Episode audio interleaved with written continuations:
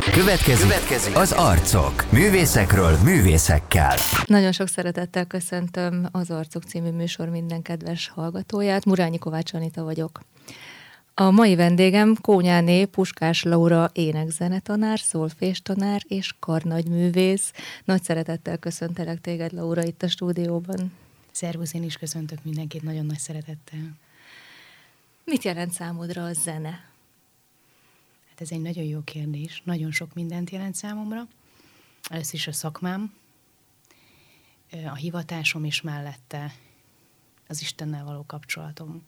Uh-huh. Nagyon sokat jelent számomra, gyerekkoromtól közben meghatározó a zene. Az érzelmeimet tudtam mindig rajta kifejezni, mindig mondták is a szüleim, hogy az játékomból tudták azt, hogy éppen feszült vagyok, uh-huh. vagy nagyon boldog. És ez a mai napig így van, hogy a zene az, az egy olyan önkifejezése a lelkemnek, ami, ami mindig is uh, azt tükrözi, ugye, hogy mi van bennem, és hogy mit kapok Istentől. Ez egy ilyen nagyon összetett, nem ilyen egyszerű dolog. Öm, azt gondolom, hogy a zenén keresztül én kapok is, és adok is. És ezért egy ilyen bonyolult, bonyolult dolog, de azt gondolom, hogy én sem vagyok túl egyszerű. Milyen családban nőttél fel? Hogy telt a gyermekkorod?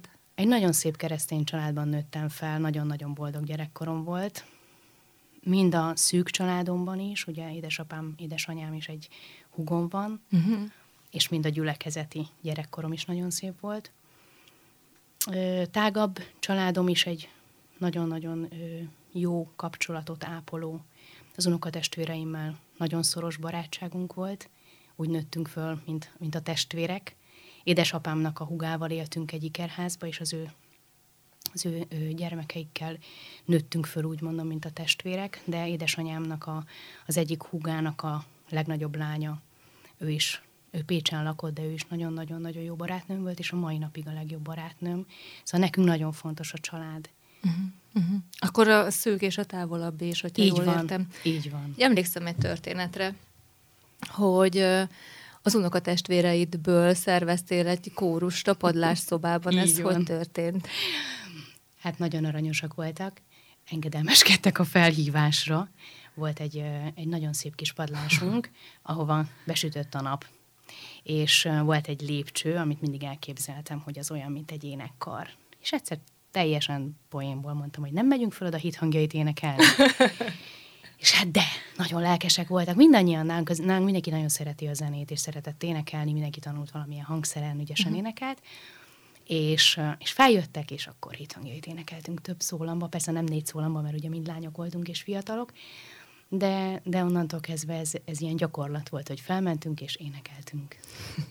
Ezek szerint gyülekezetbe is nagyon szerettél járni, ha ennyire jól ismerted a hit hangjai énekeit. Nagyon, nagyon. Mm. Ezt uh, unokatásom mindig úgy mondták, hogy a melát nagypapámtól örököltem a zene uh-huh. és a gyülekezet szeretetét.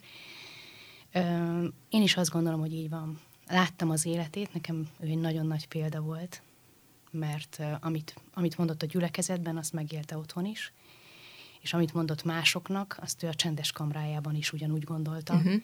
Szóval nekem ő egy nagyon nagy példa volt a hitéletben is, nagyon nagy példa volt abban is, hogy milyen nagypapa, férj, édesapa volt, és, és a zenei szeretetét is azt gondolom, hogy tőle örököltem. Uh-huh. Uh-huh. A szüleid mivel foglalkoznak? Édesanyám házi orvos és üzemorvos, uh-huh. de ő is zenei általánosba járt, uh-huh. és Kodály Zoltán anyósa, Péceli Sárika néni volt az énektanára. Neki Aha. is nagyon meghatározó volt a zene az életében. Nagyon szeretett kórusban énekelni, és ő is tagja volt a, a gyülekezetünknek, a kórusának nagyon hosszú évekig, meg csellózott. Uh-huh. Édesapám autószerelő, ö, ahhoz képest, hogy ő mindig azt mondta, hogy neki nincsen se füle, se hangja, és hogy ő nem tud énekelni, azt gondolom, hogy a könnyű zene szeretetét meg pont, hogy tőle aha, aha. örököltem. Ő nagyon szeretett zenét hallgatni, ezért nagyon sokat hallgattunk zenét. Kedvence volt Csajkovszki bémol zongora uh-huh. verseny. Azt nagyon-nagyon sokat hallgattuk. És, és Haki Tamás szerette, és apukám is elképesztően tisztán tud fütyülni. Aha. Nagyon gyönyörűen fütyül, és ő szerettette meg velem azt, hogy, hogy a könnyű zenének is vannak értékes, uh-huh. értékes részei. Például Rodaszkot, nagyon szerettem uh-huh. őt is. Uh-huh. És a hugod? Hugom a hugod Anita, és a zene? Ő is tanult zongorázni. Uh-huh. Nem, de zongorázni is, meg csellózni is. Mind a kettőt azt hiszem tanult egy rövid ideig. Uh-huh. Ő is nagyon szereti a zenét. Ő nem lett zenész, ő gyógytornásznak tanul, de a zene szeretete őt is áti, átítatta, ő is énekelt a, a gyülekezetünknek a, az énekkarában. Ő versel, ő is művészlélek, aha, és ő aha, nagyon szeret aha. verseket mondani. De uh-huh. azt gondolom, hogy az is egy művészi dolog. Szerinted mekkora jelentősége volt a pályaválasztásodban annak, hogy a baptista közösségnek nagyon mély zenei gyökerei vannak? Hát így utólag azt gondolom, hogy nagyon sok. Bár ugye 12 éves voltam, amikor eldöntöttem, hogy zenész leszek, amikor 1992 karácsonyán um, Kis Rózsa énekelte az Én nem tudom miért szeretett úgy minket kezdetű éneket, és én kísértem őt zong- csellón, és Barbaris Lali zongorán, uh-huh. és akkor nagyon-nagyon megérintett a zene. Aztán elkanyarodtam a zenétől, és állatorvosnak készültem, de azt gondolom, hogy az a sok zenei szolgálat, az a sok plusz, amit kaptam a gyülekezetben, ugye énekeltem gyerekkórusban, énekeltem a lánykarban, mhm. énekeltem uh-huh. a vegyeskarban is. Ezek olyan meghatározóak, hogy, hogy akiben van zenei tehetség és elhívás Istentől, arra, arra ezek a gyülekezeti alkalmak nagyon-nagyon mélyen hatnak, és rám is nagyon nagy hatással volt a zenei élet. Nagyon nagy zenei élet volt Budafokon, Aha. amikor én fiatal voltam. Uh-huh. És milyen iskolákba jártál? Általános iskolába, egy angol tagozatos általános iskolába jártam, az úgy nem volt ö, zenei, de persze természetesen én hat évig csellóztam, uh-huh. aztán mellette párhuzamosan elkezdtem zongorázni is, B-tagozatos voltam szolfésból is, meg, meg csellóból is, ami azt jelenti, hogy pályára készültem. Aztán jártam zeneelmélet főtárgyszakos voltam, ott a zeneiskolában, zenekaroztam, hát és akkor utána jött a középiskola, ahol uh-huh. én úgy éreztem, hogy nem vagyok elég tehetséges. És a zenéhez? Igen, a zenéhez. Én egy ilyen, nem voltam elég magabiztos uh-huh. fiatal lány, és azt gondoltam, hogy, hogy hát ebben én nem vagyok annyira jó. És mivel utólag már felnőttként a akkori tanáraim azt mondták, hogy ők meg annyira azt gondolták, hogy olyan tehetséges vagyok, hogy ezt nekem nem kell külön emlegetni. Uh-huh. Aha. Ezért nem mondták. Hogy nem erősítettek meg Így benne. van, és um, uh-huh.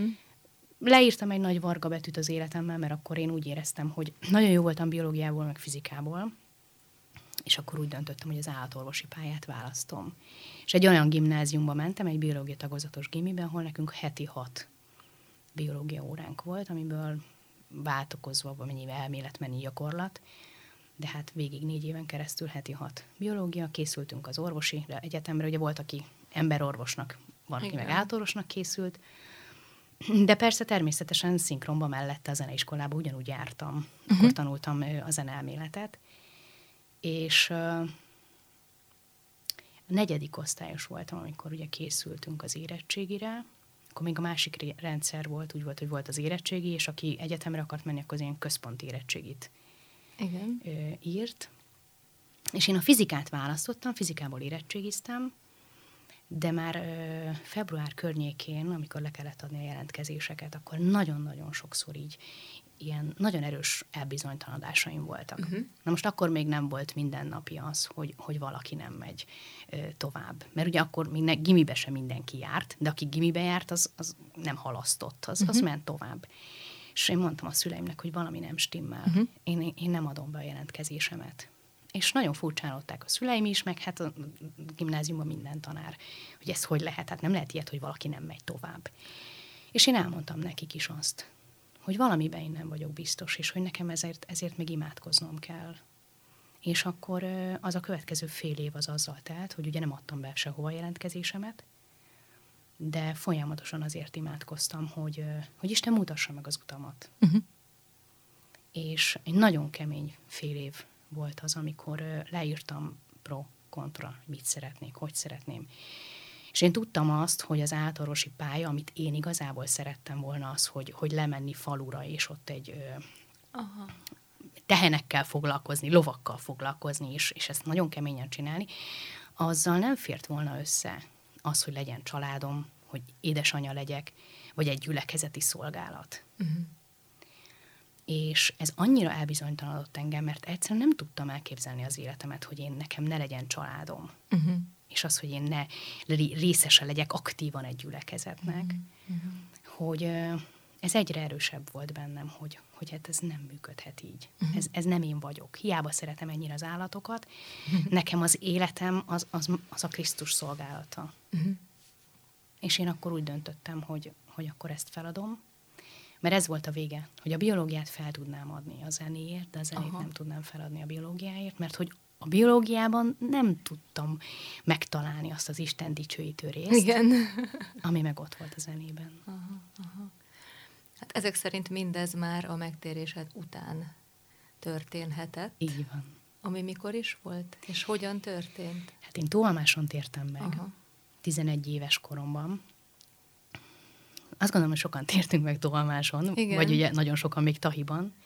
Egy tolmási táborban hívott Isten magához. Ez egy nagyon különleges alkalom volt, amikor, amikor azt éreztem, hogy, hogy becsapom Istent. Arról prédikált Erik Murphy, hogy, hogy ha nincsenek bűneink, azt gondoljuk, akkor uh-huh. az még nem jelenti azt, hogy nincsenek bűneink.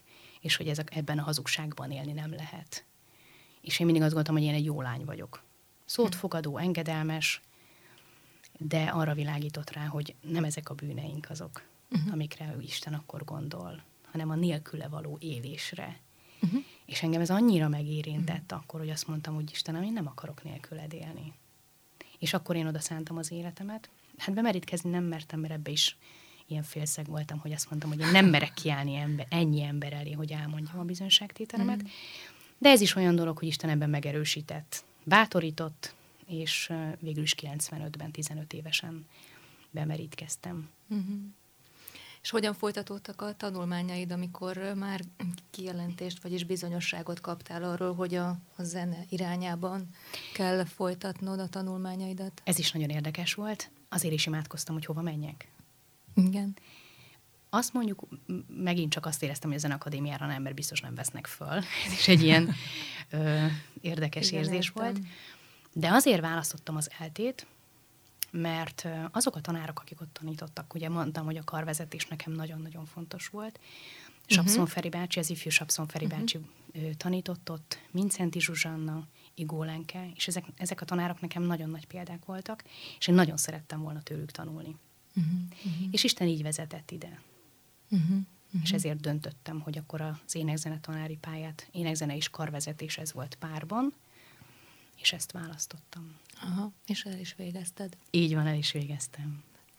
Ezen közben valamikor úgy gondolom meg kellett történnie annak, hogy megismerkedtél a férjeddel, hogyha jól számolom időben. Igen, 2004-ben diplomáztam, és 2003-ban ismerkedtem meg vele. És ez, ez hogy volt? És hol? Budafokon a baptista imaházban. Aha. Ugye én ott születtem, ott nőttem fel. Férjem Kónya Róbert, ő Kolozsváron nőtt fel, és ott járt a, a Kolozsvári zenei gimnáziumba, mondjuk akkor nekik ez 12 éves iskolát jelentett, nálunk ugye a konzi négy éves, de náluk meg 12, uh-huh. uh-huh. fantasztikus dolog. És ő ott Kolozsváron egy nagyon jó trombitásnak számított, több országos Bach versenyt nyert, és azt mondták neki a tanára, hogy olyan tehetséges, hogy jöjjön fel Budapestre a Zeneakadémiára tanulni. Uh-huh. Uh-huh. És akkor az egész család felköltözött szülőkkel, van egy öccse, ő akkor kezdte a, a gimnáziumot, és felköltöztek, albérletbe Békás megyere, de Robi akkor már hallotta és tudta, ugye ő is baptista családból uh-huh. származik, és a Kolozsvári Baptista gyülekezetben ő volt tag, hogy itt Budafokon van egy nagy fúvószenekar. Így akkor Gálaci akkor még élt, és ő vezette ezt a nagy és nagyon-nagyon szuper fúvószenekart, és meghívta Robit, uh-huh. hogy jöjjön el, nézze meg, jöjjön el egy próbára, és akkor azon a vasárnap délután bemutattak minket egymásnak, az orgona mellett álltunk, nem felejtem el, és akkor Hellinger Gábor, ő uh-huh. volt az énekkar vezetője, bemutatott minket egymásnak. Uh-huh. Uh-huh. Szimpatikus fiatalember volt. És kész is lett. kész, is, kész is lett az ismerkedés. Igen. Aha. És, de ezután te még folytattad a tanulmányaidat. Igen, igen, mert ugye az énekzene karvezetés szak mellett, akinek 4,5 és 4,6 környékén volt a főtárgyakból uh-huh. az átlaga, az felvételizhetett másoddiplomás képzésre, szolfés tanár uh-huh. szakra, és én akkor azt, azt megjelöltem, és fel is vettek. Én akkor már ugye két főiskolát csináltam egymás mellett az énekzenekarvezetést és a szolfést is. Igen. És akkor 2004-ben lediplomáztam énekzenekar szakon, és folytattam a szolfést, és elkezdtem mellette félállásban dolgozni itt-ott, uh-huh. és akkor 2008-ban végeztem a szolfés szakon. Uh-huh. Kisebb-nagyobb kihagyásokkal. És hogyan vannak a szívedben ezek a zenei területek, hogy az énekzene, a szólfés, a zeneelmélet, a zenetörténet, a karvezetés? Mi a sorrend? Hát a leges-legelső helyen a karvezetés áll. Uh-huh. Valahol nekem az a hangszerem. Uh-huh. Uh-huh. Nagyon szeretek az emberekkel dolgozni, uh-huh. nagyon szeretek az emberekkel beszélgetni, az emberek lelkével foglalkozni, uh-huh. és a zenén keresztül a lelkükkel foglalkozni, ez a legcsodálatosabb. Uh-huh. Uh-huh. Szóval az első a karvezetés, utána pedig a, a zeneelmélet, uh-huh. az, ami nekem nagyon ö, szimpatikus, és amit nagyon szeretek. Aztán a szolfés. Énekzene tanár nem annyira uh-huh. szeretnék lenni. Uh-huh. Az valahogy nem az én területem. És uh, időközben, amikor uh, a diplomáidat megszerezted, azért tapasztaltál változást a, az önbizalom területén magadban? Ez egy nagyon jó kérdés. Nem. Ugyanúgy bizonytalannak éreztem magam folyamatosan, még akkor is, amikor szolfés szakon Igor Lenke tanárnő többször említette, hogy miért nem a zenakadémiára járok, és hogy menjek át. Uh-huh. Aztán akkor sem, amikor a zenakadémiára jártam, visszacsatolva egy pillanatra, én azt éreztem, hogy azért megyek a zenakadémiára, nem csak azért, mert ugye a karvezetés a leges, legfontosabb számomra, és hogy karnagy művész lehessek, hanem azt éreztem, hogy ez a kisebbségi komplexus, ami mindig bennem van, ez biztos, hogy ha majd a zenakadémiát elvégzem, akkor ez majd úgy megszűnik. Aha. Uh-huh. És uh, bekerültem a zenakadémiára, és uh, soha nem felejtem el az első uh, karvezetés órán, ahol a párkai tanár úr uh-huh tartottam, meg Somos Csaba tanár úr, akkor ö, azt mondta, hogy hát neki ezt most muszáj így mindenki előtt elmondania, hogy azért ő 50 éve nem látott nőt így vezényelni. Aha. Ami akkor nekem úgy olyan volt, hogy hát jó lehet, hogy ezt elmondta másnak is, és megint nem éreztem azt, hogy, hogy ebből meggyógyulnék. És, és én akkor rájöttem az évek folyamán, hogy, hogy nem a diplomám számától, nem a mások elismerésétől függ az, hogy én nekem az önbecsülésem a helyén van-e, uh-huh. hanem attól, hogy elfogadom, hogy Isten milyennek teremtett, milyennek lát, és hogy bármilyen vagyok szeret. Még uh-huh. akkor is, ha én látom a hiányosságaimat. Szóval nekem sokszor ez az önbecsülési probléma onnan fakad, hogy, hogy láttam a hiányosságaimat, mert hogy maximalista voltam. Uh-huh. És azt gondoltam, hogy ha valamit csak 99%-osan tudok, akkor az egy nagy hiány. És én megtanultam uh-huh. elfogadni magamat, hogy igen, uh-huh. vannak hiányosságaim, van, amiben nem vagyok tökéletes és jó, nagyon sok mindenben és hogy ez nem rossz. És ez most már megvan. Ez így van, ez, ez így van, hogy nem tartom magam sem tökéletesnek, sem jónak, uh-huh. de még most is ugyanúgy látom a hibáimat, hanem azt látom, hogy Isten engem így szeret, ahogy vagyok. És hogy nem ez a lényeg. Igen. Ezt, ezt helyre rakta, jártunk a férjemmel lelki gondozói szakra uh-huh. Reimer uh-huh. Mártihoz, ahol uh-huh. nagyon sok önismeretet tanultunk, és hát sok leckét kaptam az életben ezzel kapcsolatosan amúgy, hogy, hogy ez, amikor az ember maximalista, ez nem egy rossz dolog. De ha már ilyen szorongóvá uh-huh. válik, meg, meg ugye ilyen kényszeressé, az, az nem egy egészséges uh-huh. dolog. Uh-huh. És ezt az évek alatt Isten nagyon szépen helyre tette bennem. De azt gondolom, hogy olyan szinten nem baj, hogy ez ott volt, hogy mint pedagógus én sokat tudok segíteni a diákjaimnak. Uh-huh uh-huh.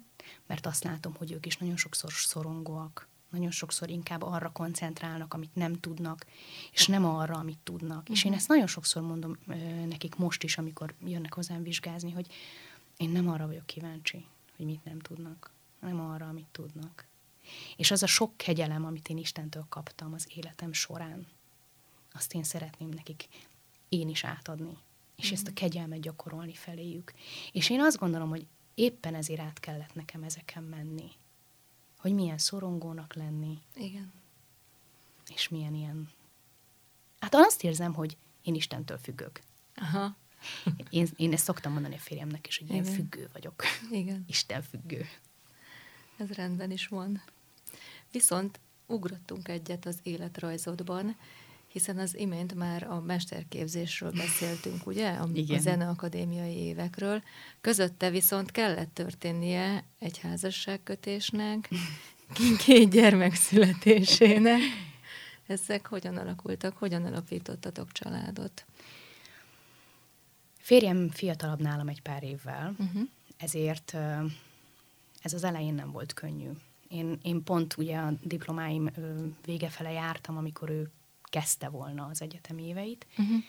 és én ezért nem is akartam vele ismerkedni, de ő kitartó volt, és három évig udvarolt nekem. és a sok beszélgetés alatt rájöttem arra, hogy ő nekem a lelkitársam. Uh-huh. És hát kitartó volt, hát három, igen, három évig beszélgettünk, ismerkedtünk, ugye egy házi csoportba jártunk, uh-huh. együtt jártunk központi énekkarba, együtt énekeltünk a gyülekezeti kórusba, szóval nagyon sok közös platform volt, ahol uh-huh. megismerkedhettünk, meg közel is laktunk egymáshoz, és sokat mentünk együtt haza BKV-val, sokat beszélgettünk, uh-huh. és onnantól kezdve, amikor már én is azt éreztem, hogy, hogy ő az Istentől rendelt társam, mert minden, mindent azt éreztem, hogy ennél jobban nem is passzolhatnánk, uh-huh akkor onnantól kezdve már felgyorsultak az események, mert hogy ő konkrétan megkérte a kezemet, szóval mi nem járogattunk egymással, hanem elmondta, hogy figyelj, én tudom, hogy te leszel a feleségem, uh-huh. és akkor, amikor ezt ő elmondta nekem, onnantól kezdve másfél év múlva meg is volt az esküvőnk. Uh-huh. Uh-huh. És akkor ő már nem is, nem is akart zenész lenni tovább, mert ő neki volt egy felvételi ezen akadémiára, ahova nem vették föl, egy sikertelen felvételi, és utána ő úgy döntötte, uh-huh. hogy nem szeretne pályán uh-huh. maradni. Uh-huh, uh-huh, uh-huh. És akkor összeházasodtatok, akkor mivel foglalkoztál? Akkor éppen nem jártál a mindig járok valahova. De, de akkor még a szolfés szakot csináltam. Aha, Ugye 2007-ben házasodtunk össze, és 2008-ban fejeztem be a szolfés szakot, de mellette én félállásban dolgoztam. Uh-huh, uh-huh. Gimnáziumban énektanárként, és hát ő is dolgozott. Uh-huh, uh-huh. És építettük az életünket. Uh-huh. Nagyon szép időszak volt. Nehéz, uh-huh. de csodálatos. Uh-huh. És mikor érkeztek a gyerekek? Hát ugye 2007-ben házasodtunk, és 2010-ben született Abigail, uh-huh. de hát ő egy kis csoda. Ugye nekem volt egy, egy ilyen jó indulatú daganat a fejemben, és Robi úgy vett feleségül, hogy, hogy nekem azt mondta az orvos, hogy nem biztos, hogy valaha lehet gyerekem. Uh-huh. És sokat kezeltek ezzel a betegséggel, és amikor az orvos azt mondta, hogy na akkor most nézzük, hogy mi lesz, akkor, akkor megfogant Abigail. És ő egy nagy ajándék, ugye a neve az, hogy az apa öröme. Uh-huh. És uh, így 2010 áprilisában született Abi, és 2012 májusában pedig Gergő. Aha. És akkor minden idődet a gyermekekkel töltött. Így van, teljes, teljes odaadással a gyerekekkel, de ö, nagyon nehéz volt az, hogy mindkettőnek voltak egészségügyi problémái. Uh-huh.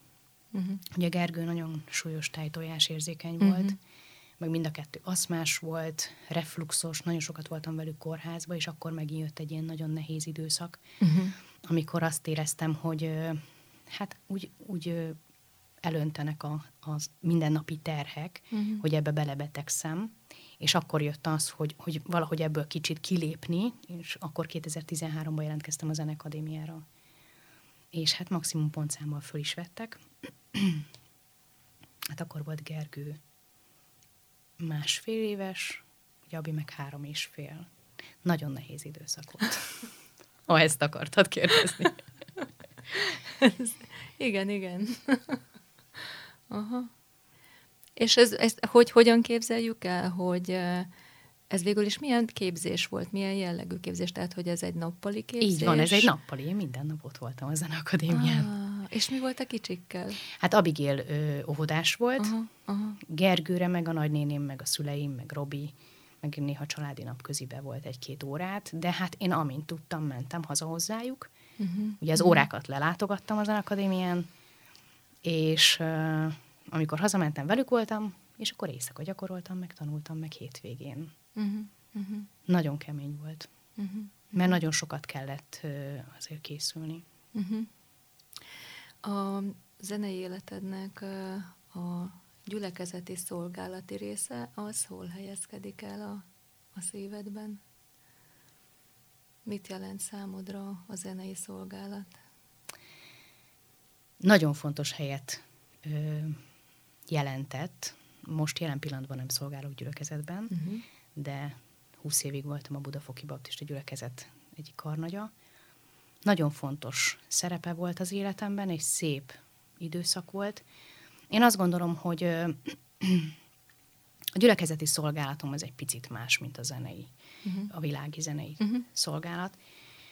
Nekem ott a, a lelkület, a lelkiség a legfontosabb. Uh-huh. Fontos az, hogy akikkel együtt dolgozom, mint emberek, hogy vannak. Az énekek, amiket énekelünk, azok nekem mit jelentenek személy szerint. Uh-huh. Át tudom-e nekik adni azt, hogy én ezeken keresztül mit tanultam, vagy mit kaptam Istentől. Szóval az énekek egyesével valamilyen helyen vannak a szívemben. Uh-huh. És nekem nagyon fontos az, hogy ezt azok az emberek, akiknek tanítom, ugye a kórus, azok uh-huh. mind érezzék azt. Uh-huh. Átéljék, megéljék, megtapasztalják, tanuljanak rajta keresztül. És ugyanúgy, amikor ezt elénekeljük, akkor megérintse azokat, akik hallgatják. Uh-huh. Ez nagyon szép. 2021. szeptembere óta a Baptista Teológiai Akadémia zenei tanszékének vagy a tanára. Milyen feladatokat kaptál, és hogy érzed ott magad? Hát sok feladatot. Elsősorban szolfést és zenelméletet tanítok, uh-huh. És az akadémiai istentisztelteknek a zenei életét kell megszerveznem, meg ugye a a teológia kántorszakosoknak a zenei életét is koordinálom. Nagyon összetett és nehéz, de nagyon szép feladat. Uh-huh. Hallgatókkal kapcsolatot tartok, ápolom a lelküket. Uh-huh. Azok mellett, hogy ugye szolfést és is tanítok nekik. Igen, akkor rájuk is fér néha a lelki gondozás. Előfordulnak nehézségek. Így van, de, de amúgy is nekem mondom, mondtam az előbb is, hogy nekem nagyon fontos az, hogy, hogy én nem csak egy pedagógus vagyok, én nem csak egy tanár vagyok, aki ott ül az órán és elmondja, hogy uh-huh. hogy kell vezetni a szólamot, uh-huh. vagy hogy egy szeptimakordot, hogy szólaltassunk meg tisztán intonálva, hanem az is, hogy hogy mögötte én ott vagyok az ember. Uh-huh. És hogy ez, ez, ez mi, mi az a plusz, amit tudok a diákoknak ezen keresztül adni. És ami nagyon tetszik nekem, az, hogy ugye nekem a, a szakrális zene az az életem. Igen. És eddig, amikor világi munkahelyen dolgoztam, ott is mindig próbáltam közvetíteni, uh-huh. ugye nem mindenki volt mindig rávevő. De hogy itt csak ezt a zenét oktatom, ez, ez fantasztikus. Aha, aha. Aha. A művészetnek és a, a missziónak a kapcsolatáról hogyan gondolkodsz? Persze már így a beszélgetés során egy-két mondat előfordult ezzel kapcsolatban, de így összefoglalásként hogyan fogalmazod meg ezt a kapcsolódást? Számomra teljes mértékben a bennem egyesülnie kell a kettőnek, akárhol is vagyok, ugye akár a világi életben, mint zenész, vagy mint egy gyülekezeti, vagy mint egy teológiai tanár, én nekem mindig nagyon fontos volt, hogy az a zene, amit képviselek, akár énekelek, zongorázok, vezényelek, az azt az értéket képviselje, uh-huh. amit ugye én is képviselek, és hogy minden zenén keresztül áradjon az Isten szeretete, az evangélium. Uh-huh. És azért csodálatos a kórus éneklés, mert ott a szöveg. Igen. Uh-huh. Mert egy hangszeres zenész is tud egy ilyen éneket, uh-huh. egy, akár egy szöveges éneket eljátszani a hangszerén, és uh-huh. csodálatosan uh-huh. megszólal. Igen. de azért ez egy óriási ajándék, Aha. hogy mi a, ugye a szöveget igen, igen. énekeljük. Aha. Jó, hogy mondtad a, a hangszeres zenélést, mert akartam is már korábban kérdezni, hogy, hogy a, a cselló és a zongora, velük mi történt? Hol helyezkednek most el a mindennapjaidban? A cselló az háttérbe szorul, bár ezt gyerekeim szokták kérni, hogy édesanyja csellózzál. Aha, aha. Meg kéne csináltatnom, az egy gond, hogy eltört egy kicsit a cselló malja, és hogyha megcsinálnám, akkor tudnék többet játszani, ez csak technikai.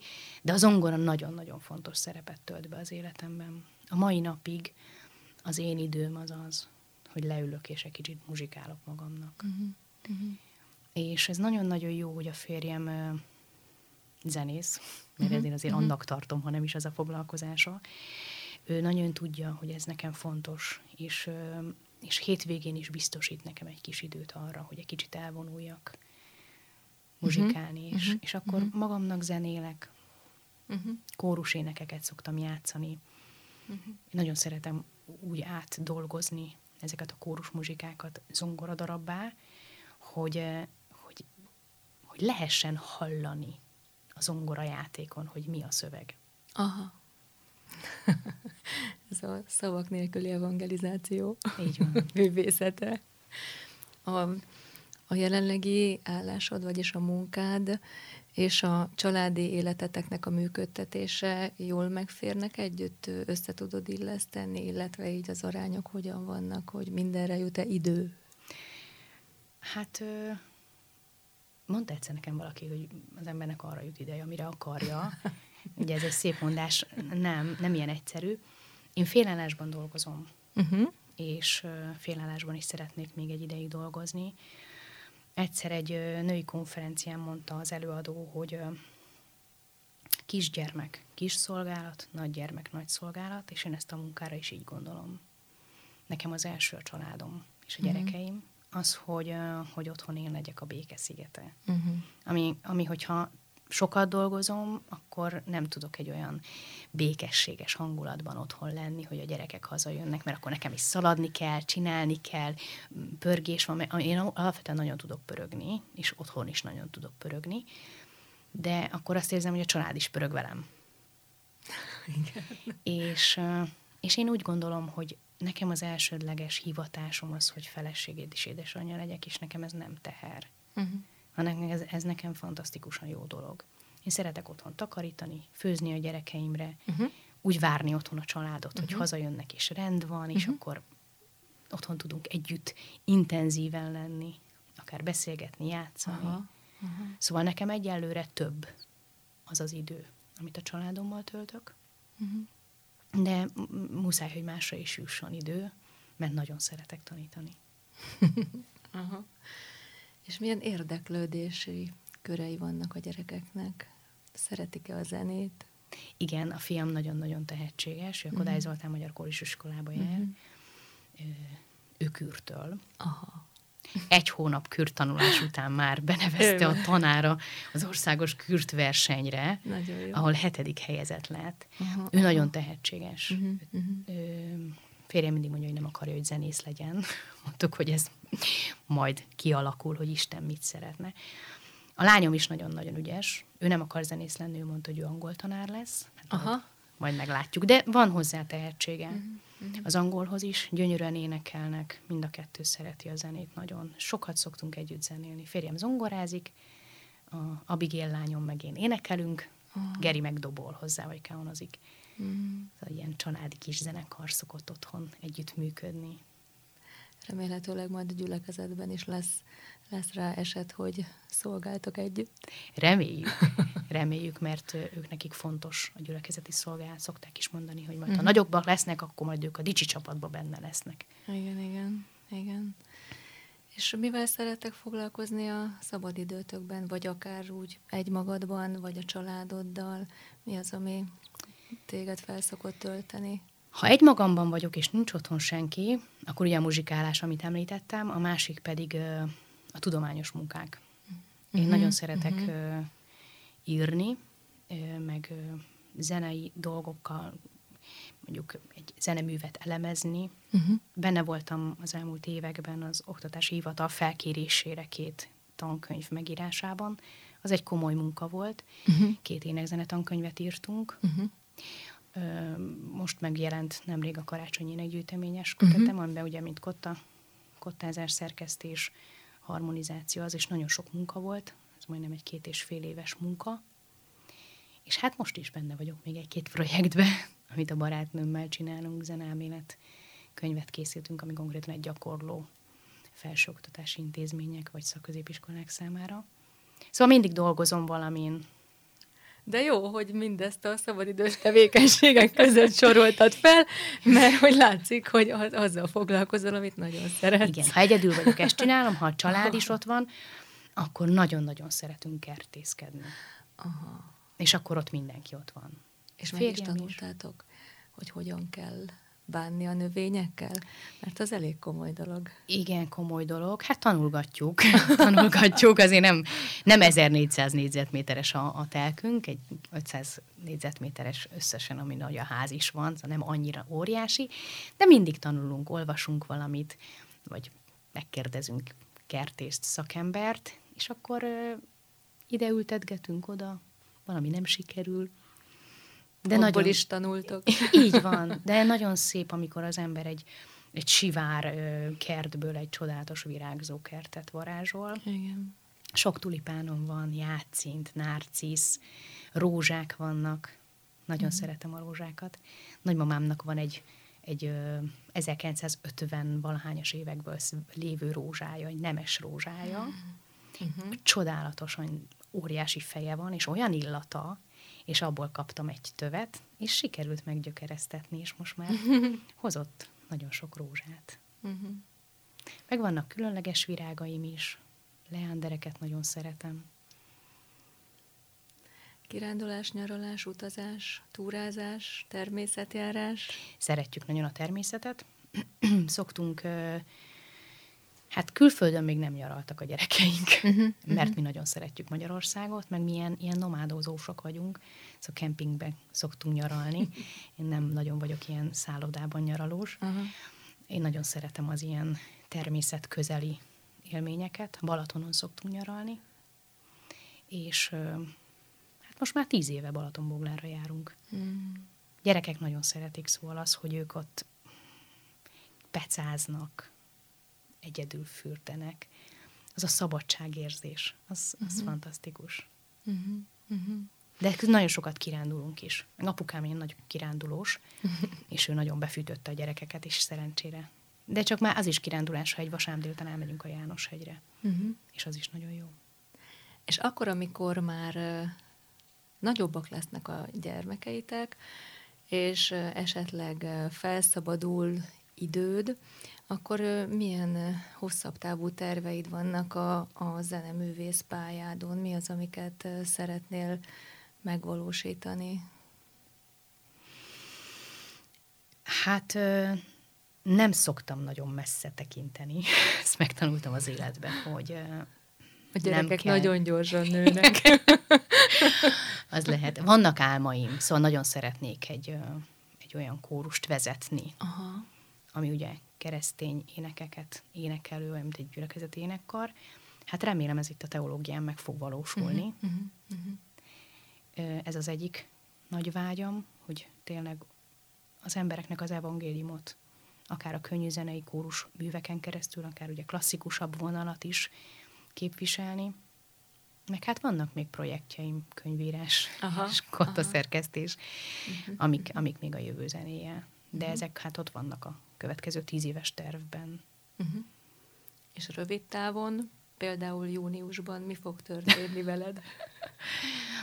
Amerikába hívtak egy, Aha. egy egyetemre karvezetés mesterkurzust tartani. Gratulálok. Köszönöm szépen. Miről fog ez szólni? És honnan a meghívás? Mincenti Zsuzsánna volt tanárnőm, ő a Kóta uh-huh. társelnöke, ő vezette évekig ugye a Kótát. Ő 15 évig azt hiszem dolgozott itt kint, uh-huh. ezen az egyetemen, ő járt ki nyaranta karvezetés kurzust tartani, és hát az a megtiszteltetésért, hogy arra kért, hogy, hogy vegyem át tőle ezt a munkát, uh-huh. ami nagyon nagy dolog, mert azt gondolom, hogy ő egy, egy fantasztikus zenész, ember, Igen. karnagy, és ö, előtte, ő előtte Igolenke tanárnő végezte ezt a munkát, és hát nem éreztem, még most se érzem úgy, hogy én, én lennék a következő a sorba, hogy Igólenke, Mincenti Zsuzsánna, és utána hát nem nagyon én jövök, de nagyon megtisztelő, hogy ő rám gondolt, és hát örömmel elfogadta. Ah, hát gratulálok még egyszer. Köszönöm. Sok sikert kívánok ehhez az úthoz. Biztos, hogy nagyon nagy élményekkel fogsz hazatérni, majd meséld el. Mindenképpen. hogy, hogy történt Én ez. is várom. Van-e olyan alapigéd, ami így végigkísér akár a pályádon, az életeden, és meghatározó számodra? É, van, van az Efézusi levélben. Éljetek méltóan az, ahhoz az elhíváshoz, amelyel elhívattatok. Mm. Ez nekem egy nagyon fontos igevers. Mm-hmm. Több szempontból is. Mm-hmm. Először is, hogy méltónak lenni, mm-hmm. mert hogy ugye ez nem azért van, mert hogy én alkalmas vagyok, és szuper vagyok, hanem ez egy kegyelem és egy ajándék, hogy kaptunk egy elhívást, és hogy, hogy méltónak lenni rá minden nap. Mm-hmm. Hát Laura, én nagyon köszönöm, hogy eljöttél velem beszélgetni ma, de még mielőtt elköszönnénk, megkértelek, hogy hozzá valamilyen zenei anyagot felvételen, amelyen te vezényelsz. Hát mit fogunk hallani a műsor végén? Ez is nagyon köszönöm, és nagyon megtisztelő, hogy meghívtál. Én köszönöm a beszélgetést. Amikor mondtad, hogy hozzak valamit, nagyon sok mindenen gondolkodtam. Uh-huh. Hozhattam volna diplomakoncertjeimről, vizsgakoncertjeimről, uh-huh. de én a Budafoki Baptista gyülekezetének karától hoztam egy nagyon-nagyon kedves éneket. Ez a Jöjj békesség kezdetű ének, amelybe belefonódik a Ha Isten békéje, uh-huh. lakja a szívemet. Ez egy énekfeldolgozás, hát fogadja mindenki nagyon nagy szeretettel. Köszönjük szépen! És mielőtt ezt meghallgatjuk, elköszönök, Murányi Kovács Anita vagyok, és a vezető technikus műsorszerkesztő kollégám Boros Viktor nevében is üdvözlöm Önöket. Ma mm, Kónyáné Puskás Laurával beszélgettünk. Köszönjük, hogy velünk voltak. Viszont hallásra!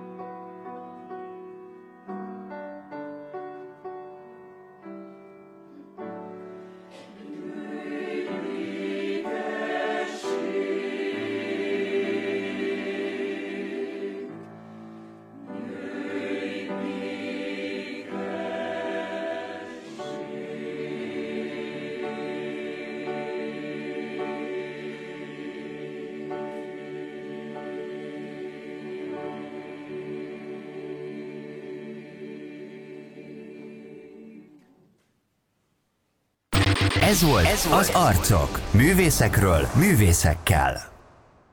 A műsorszám gyártója a Baptista Podcast. Baptista Podcast. Neked szól.